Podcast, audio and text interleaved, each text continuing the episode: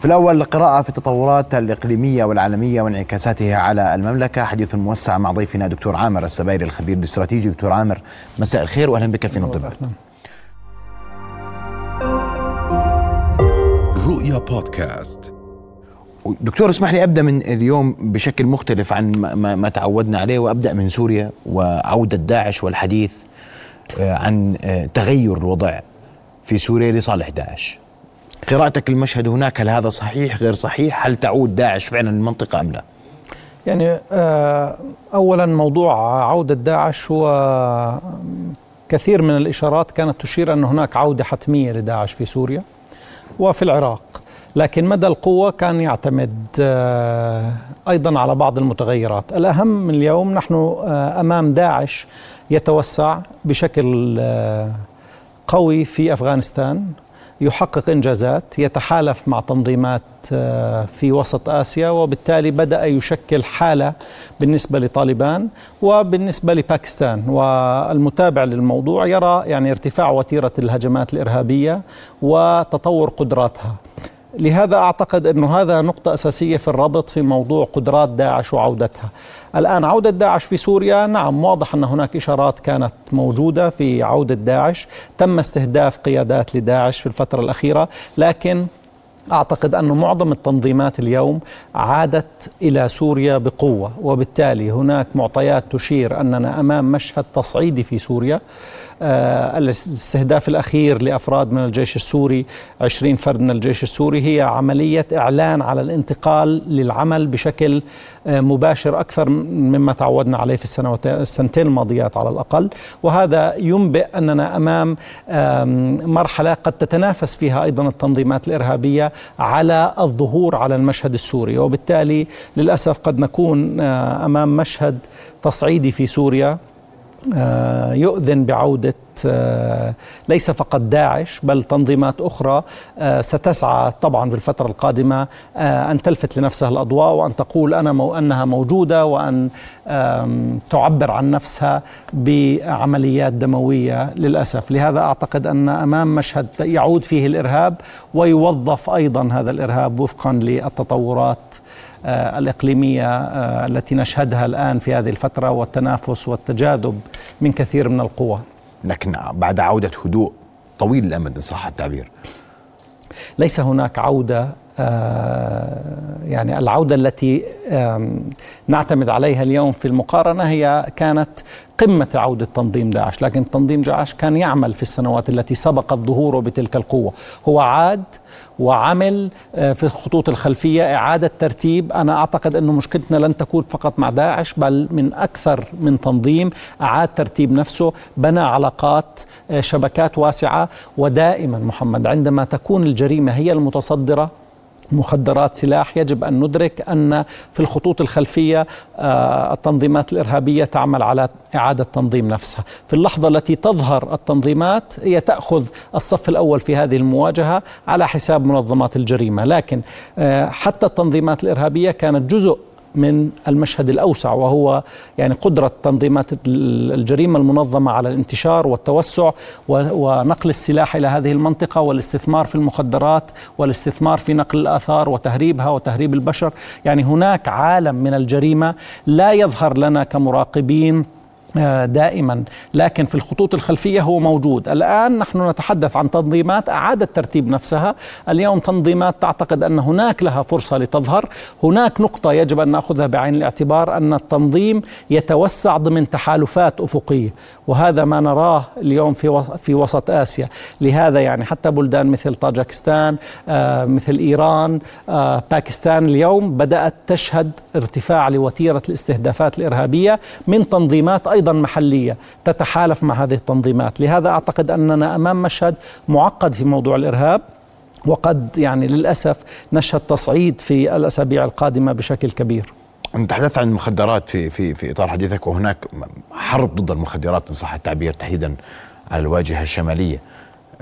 برأيك هذه هذه المعركة ستستمر وهذا جزء أساسي من تمويل الكثير من هذه التنظيمات. يعني هو هو صحيح جزء أساسي لكن المخدرات في المنطقة أصبحت الاقتصاد الموازي لهذه المنطقة، يعني مع انتشار العقوبات والأزمات الاقتصادية تنظيمات ميليشيات أنظمة يعني كلها بدأت تعتمد على هذه الجزئية. وهذه شبكة جريمة آه لم تعد محلية هي مرتبطة أيضا بارتباطات أكبر، من كان يجلب السلاح إلى سوريا اليوم يأخذ مخدرات بدل السلاح، لهذا هناك شبكة واسعة. آه يجب أن أن نكون اليوم على يقين أنه من الصعب أن تنتهي هذه الحرب. بسهولة، هذه حرب متجذرة، هذه التنظيمات لها سنوات تعمل، هناك شبكات أصبحت معتمدة عليها، لهذا أسميها أنا الاقتصاد الموازي للكثيرين. أعتقد أن آه، يعني الخلاص منها يحتاج إلى أيضا تغيير في موضوع العقيدة الاستخبارية في التعامل مع هذا الموضوع، نحتاج إلى آه، عملية موازية داخلية وخارجية، ونحتاج للاستفادة باعتقادي من قانون مكافحة الكبتاغون الذي أقره الكونغرس، لأنه اليوم يقدم لك فرصة كبيرة في موضوع القدرة اللوجستية، القدرة الاستخبارية والعمليات، أعتقد أنه آه، موضوع آه، المخدرات تطور في العالم بشكل كبير وال يعني آه، عادة أجهزة الأمن التقليدية والجيوش العقائدية آه، صاحبة العقيدة القتالية المباشرة تواجه يعني اليوم أزمة حقيقية في فهم يعني مدى آه، التعقيد الذي تتبعه أو التعقيدات التي تتبعها مثل هذه التنظيمات. لهذا يحتاج إلى تعاون استخباري يحتاج إلى اكتساب خبرات ويحتاج إلى تنفيذ عمليات بشراكات مع دول خاضت لسنوات طويلة حروب. يعني هذا الخطر في موضوع المخدرات أنه جاء في فترة أيضا كل المنطقة تعاني من أزمات اقتصادية وبالتالي تحول إلى خلق كيانات داعمة في داخل كثير من الدول جغرافيا واسعة معتمدة على هذه التجارة. لهذا فكرة الخلاص منها لا يمكن أن يتم بشعارات وإعلانات. يحتاج إلى وقت طويل يحتاج إلى ديناميكيات معقدة لفهم ما يجري ولعمليات تستهدف تجفيف مصادرها من من أساساتها. من يجب أن يتدخل اليوم؟ اليوم الجميع يريد ان ان أن ينهي هذه هذا المشهد في في موضوع المخدرات. صحيح المتضررين كثر وبالتالي يعني حجم الضرر هو الذي يجلب آه، اليوم التقارب بين هذه الدول لهذا أعتقد أنه اليوم في هناك فرصة في موضوع آه، وجود الولايات المتحدة أنت بحاجة إلى تحالف دولي أشبه بالتحالف الدولي آه، للقضاء على داعش لأنك اليوم هذه المخدرات تصل أوروبا هذه المخدرات اليوم لا يمكن القضاء عليها فقط بمواجهات مباشرة. يعني تستطيع اليوم ان ان أن تخلق قيود تشديدية لكن لا يمكن أن تنتهي هذه الظاهرة دون حرب حقيقية. وبالتالي هناك فرصة. دول الإقليم الأردن والسعودية بحاجة إلى تحالف من هذا النوع لأنهم متضررين بشكل كبير. الاستفادة من الخبرة الأمريكية في هذه الجزئية آه، خلق تحالفات من دول خاضت هذه التجربة. يعني هناك تجارب في العالم لدول ما زالت تخوض حروب يعني آه، ضد هذا التطور السريع للمخدرات. لهذا أعتقد هذه هي الفرصة الوحيدة. وبحاجة أيضا أن تكون هناك سياسة موازية للمواجهة في الداخل والخارج. يعني التركيز لا يجب أن يكون فقط على الحدود واستنزاف قدرات الجيش على الحدود. أنت بحاجة أيضا لعملية موازية في الداخل. يعني ليس هناك إرسال المخدرات دون وجود موزعين ومستلمين وناقلين. وبالتالي اليوم كلما زادت العملية في الداخل كلما قلت آه، يعني جرأة إرسال المخدرات من الخارج. بدي أظني في ذات الإقليم وهناك أيضا حديث عن ملف لبناني يتطور ملف عراقي يتطور وكل ذلك يؤثر على المشهد الإقليمي بشكل خاص. برأيك؟ للأسف المشهد الإقليمي هو مشهد يعني آه، اعتدنا عليه. نحن في هذا الإقليم اعتدنا على التعايش مع الأزمات. يعني لا لم نرى لم نشهد أي أزمة تحل. نشهد أزمة تخلق أزمة ونبدأ نتعايش مع أزمة جديدة. لهذا يعني أزمة مثل سوريا تعبر عامها الثاني عشر. لبنان آه، مستمرة. العراق هناك أزمة كبيرة. يعني اليوم ذات طابع سياسي أيضا في أيضا في في المكون الشيعي الشيعي الشيعي العربي. وبالتالي يعني هذه ظاهرة أيضا يجب أخذ بعين الاعتبار أن هناك أزمات اليوم معمقة في كثير من الدول. هذه لا تسمح لك أيضا بصياغة تحالفات مستقرة. لأن هناك كثير من المتغيرات كثير من المصالح وأن كثير من الأطراف تخضع أيضا للشروط الإقليمية وللرغبات دول في الإقليم وبالتالي يصبح آه، من الصعب تفعيل الحدود ومن الصعب بناء شراكات فاعلة وتتحول يعني في لحظة معينة أيضا لضرورة مواجهة خطر الاستهداف. لهذا أعتقد أن الأردن اليوم يواجه خطر كبير ليس فقط بالمخدرات هو موضوع السلاح أيضا نقل السلاح وتحويل الأردن إلى معبر لنقل السلاح. هذا أحد الأمور. ثانيا أنه يجب أن ندرك أن العالم اليوم يدخل في مخاضات صعبة. وبالتالي ليس من السهل اليوم التحكم في أين تظهر إرهاصات ونتائج هذه الأزمة الكبرى على المستوى الدولي، ظهرت الحرب في أوكرانيا نقلتك اليوم لعدة محطات، نقلتك في جزء معين منها من السودان تنقلك اليوم إلى النيجر قد تنقلك لاحقا إلى وسط آه، آسيا قد تعيدك إلى هذه المنطقة. لهذا أعتقد أنه كثير من الأمور أصبحت أشبه بفكرة الرمال المتحركة يعني هذه الدول. الأزمة قابلة للنشوء في لحظة وبالتالي يتم توظيفها. لهذا أعتقد أن الأردن يجب أن يكون يأخذ بعين الاعتبار كل هذه المعطيات. والتحدي الأبرز بالنسبة للأردن هو محاولات بناء علاقات مستقرة مع محيطه. اولا وشراكات اقتصادية لأنه في النهاية الأزمات تتعمق اليوم عبر البوابة الاقتصادية. صحيح هناك طابع مجتمعي لهذه الأزمات آه، لكن حقيقة أصلها اليوم هو الفشل الاقتصادي. عدم القدرة على تفعيل الجانب الاقتصادي وتقديم وصفة اقتصادية تشعر المواطنين بتغير حقيقي أو استفادة هو الذي يعزز حالة الإحباط المجتمعي وبالتالي يعزز أيضا فكرة حالة عدم الاستقرار. المحيط جميعه ملتهب المحيط كله يمر في مخاضات صعبة. هناك بالنسبة للأردن تحدي أيضا في موضوع الضفة الغربية والسيناريوهات القادمة. خطر الفوضى رأيناه رأينا آه، فكرة التصعيد وخطورتها أيضا على الأردن. عودة الإرهاب إلى سيناء آه قد يكون أحد الأمور أيضا بالنسبة للأردن. الأردن بحاجة اليوم لتفعيل آه العلاقة مع السعودية بشكل كبير. الجغرافيا الأردنية يجب أن تستفيد أيضا بما يجري من عملية تطور سريع في السعودية.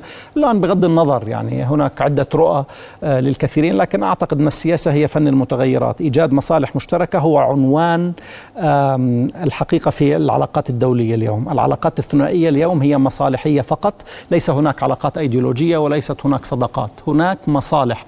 كلما استطعت أن تقدم وصفة يستفيد منها الجميع كلما أصبحت هذه مرغوبة ومقبولة وقادرة أن تقدم لك يعني آه، نوع من أنواع آه، التحالفات الفاعلة.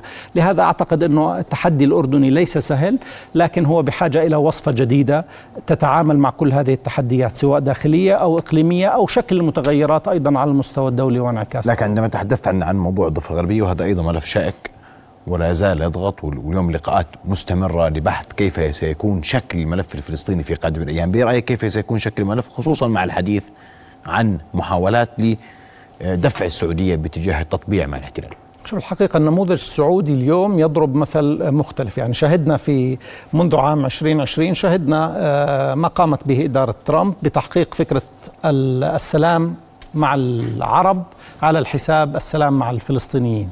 وبالتالي فكرة القفز عن القضية الفلسطينية نعم. عبر بوابة سميت اتفاقات أبراهام يعني الاتفاقية الإبراهيمية. اليوم السعودية تعيد ضبط هذه المعادلة وتثبت أنها تحاول الحفاظ على آه، المبادئ الأساسية. المبادئ الأساسية بالنسبة للسعودية قد تكون مبادرة السلام العربية. قابلة للتعديل هي في 2002 عدلت أيضا وبالتالي لكن ليس هناك رغبة في القفز عن الملف الفلسطيني وبالتالي هذه تشكل فرصة مهمة أيضا بالنسبة للفلسطينيين أن هناك من يعيد الورقة الفلسطينية على المستوى الإقليمي وعلى المستوى الدولي أن تكون حاضرة وأساسية لأنه لو استمرت عملية القفز في فكرة السلام العربي على حساب السلام الفلسطيني اليوم لا أحد يتكلم عن الفلسطين ورأينا فكرة العزلة أين تقود الفلسطينيين وحجم الأزمة التي يمكن أن تظهر في الداخل الفلسطيني. لهذا تشكل هذه فرصة بالنسبة للفلسطينيين وأعتقد أن السعودية أرسلت رسائل واضحة جدا.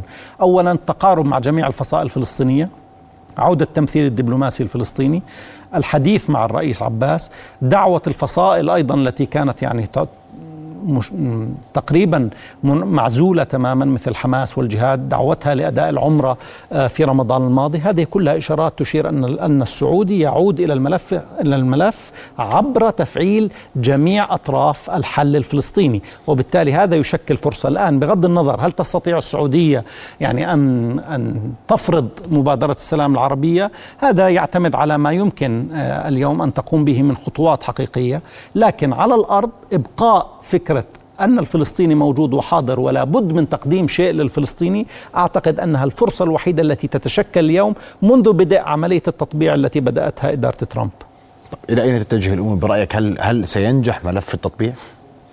يعني هو فعليا سينجح لكن على ما أي أس- أسس. اليوم الأسس هي أسس مصالحية. يعني عندما تتحدث كل التقارير عن أن السعودية لها شروط ومطالب هذا نوع من أنواع البراغماتية المبدئية فعليا. يعني تقول أنا أريد نووي سلمي أريد نوع من أنواع الأسلحة وأريد هذه السياسات وبالتالي أنا مستعده بعد ذلك أن أخوض في عملية تنمية اقتصادية أو شراكات إلى آخره. هذا كله اليوم يفسر أن الجميع يسعى يسعى آه، جديا للحفاظ على مصالحه للاستفادة من هذه اللحظة التاريخية ولتعزيز مكاسبه. لهذا أعتقد أنه اليوم القياس ضمن المعايير القديمة أنه هل سيحدث لم يعد تبو موضوع آه السلام مع إسرائيل. يعني لم يعد من المحظورات بالنسبة لكثير من الدول. لكن اليوم كيف تعاد رسم هذه المعادلة؟ وكيف يعني آه يستفيد الفلسطيني بأن لا يتم القفز عنه أو إسقاطه أو, أو عزله؟ أعتقد أنه آه هذا الأهم في هذه المرحلة. طب اليوم الإقليم كله لوين رايح؟ ضمن هاي المعادلات اللي ذكرتها ضمن هذا الإرباك الموجود. ضمن هذه آه، التوافقات والاتفاقات والأخطار القائمة لوين رايحين؟ هو للأسف كل المعطيات سلبية يعني لا أريد أريد أن أكون متفائلا لكن فعليا الأزمات ليس هناك أرضية لحلها يعني أزمة في لبنان تتعمق أكثر وأكثر وتأخذ جانب جديد يعني جانب آه، اقتصادي اجتماعي إلى آخره، الأزمة في سوريا ليس لها أفق للحل وهناك عوامل تصعيد، يعني اليوم الإسرائيلي يقوم بعمليات في سوريا يخرج مطار دمشق عن الخدمة آه، وهو مطار مدني ولا ليس هناك أي اعتراض دولي. آه، العراق وما يحدث به.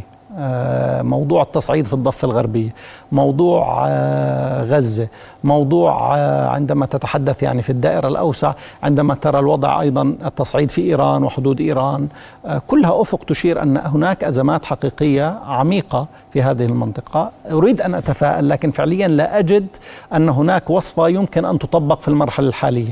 يعني أعتقد أنه الأزمة للأسف يعني ستزيد في المرحلة القادمة. لكن لابد اليوم من المحاولة لفكرة تجفيف هذه هذه الخلافات والأزمات. لهذا أعتقد أنه أي آه، فكرة اليوم يعني تتطور وتتبلور على مستوى إقليمي لا نقول على مستوى دولي يعني فكرة إعادة سوريا إلى الجامعة العربية هي فكرة بحد ذاتها رائدة أن هناك أزمة تجاوزت 12 عام لا يوجد حل على المستوى الدولي هناك تعقيد على المستوى الدولي لماذا لا أجرب أن أحلها على المستوى العربي؟ وبالتالي أن أفتح هذا الباب المغلق وأحاول من خلاله أن أقوم الآن ينجح لا ينجح هذا شيء آخر. لكن فعليا هناك محاولات يجب أن تتم على المستوى الإقليم. للأسف يعني الإقليم أصبح مشبع بالخلافات وكل ما يجري أيضا هو نتاج لخلافات. يعني إحنا كل ثلاث سنوات أمامنا أزمة آه، تختلف يعني وتنتقل من منطقة إلى أخرى. شاهدنا الأزمة الخليجية في فترة معينة أزمة اليمن. الآن ننتقل تعود ليبيا إلى إلى نوع من أنواع التصعيد والصراع. آه، لبنان يعيش ما يعيشه. آه، ليس هناك أفق على المستوى الدولي للحل في سوريا على العكس تماما. يعني هذه أزمات للأسف ليس لها وصفه للحل الآن. ما يجري هو عبارة عن تصعيد لكن آه، لابد أن نصل في لحظة معينة أن لابد أن ننهي وأن نفكر على الأقل على المستوى الإقليمي بأننا ندفع الثمن من أيامنا ومن سنواتنا بهذه الأزمات غير المنتهية. وهذه الأزمات التي تستنزف كل مقدراتنا وتستنزف أجيال اليوم. يعني أجيال اليوم ولدت وعاشت في أزمات. يعني اليوم 12 عام كم جيل هناك جيلين اليوم في سوريا بلا دولة. يعني ولدوا بفكرة أن الدولة غير موجودة. لهذا أعتقد أنه نحن أمام تحدي لابد من أن نبدأ من التفكير فيه اقليميا قبل انتظار دائما اللاعب الدولي وقرار القرار الدولي والنتاج التحركات على المستوى الدولي. الأنظار دائما تتوجه عندما تتحدث عن لاعب دولي على الولايات المتحدة الأمريكية واليوم الحديث آه، عن انتخابات أمريكية كيف سيكون شكلها من سيفوز فيها ضغوطات على ترامب للانسحاب أو مغادرة هذا السباق الرئاسي. برأيك المشهد الأمريكي كيف سينعكس؟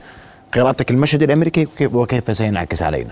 يعني هو لا نستطيع أن نخفي ومن بعد الحرب العالمية الثانية نحن مرتبطين تماما بالمشهد الأمريكي يعني في على الأقل في سياسته لكن هناك متغيرات على المستوى الدولي.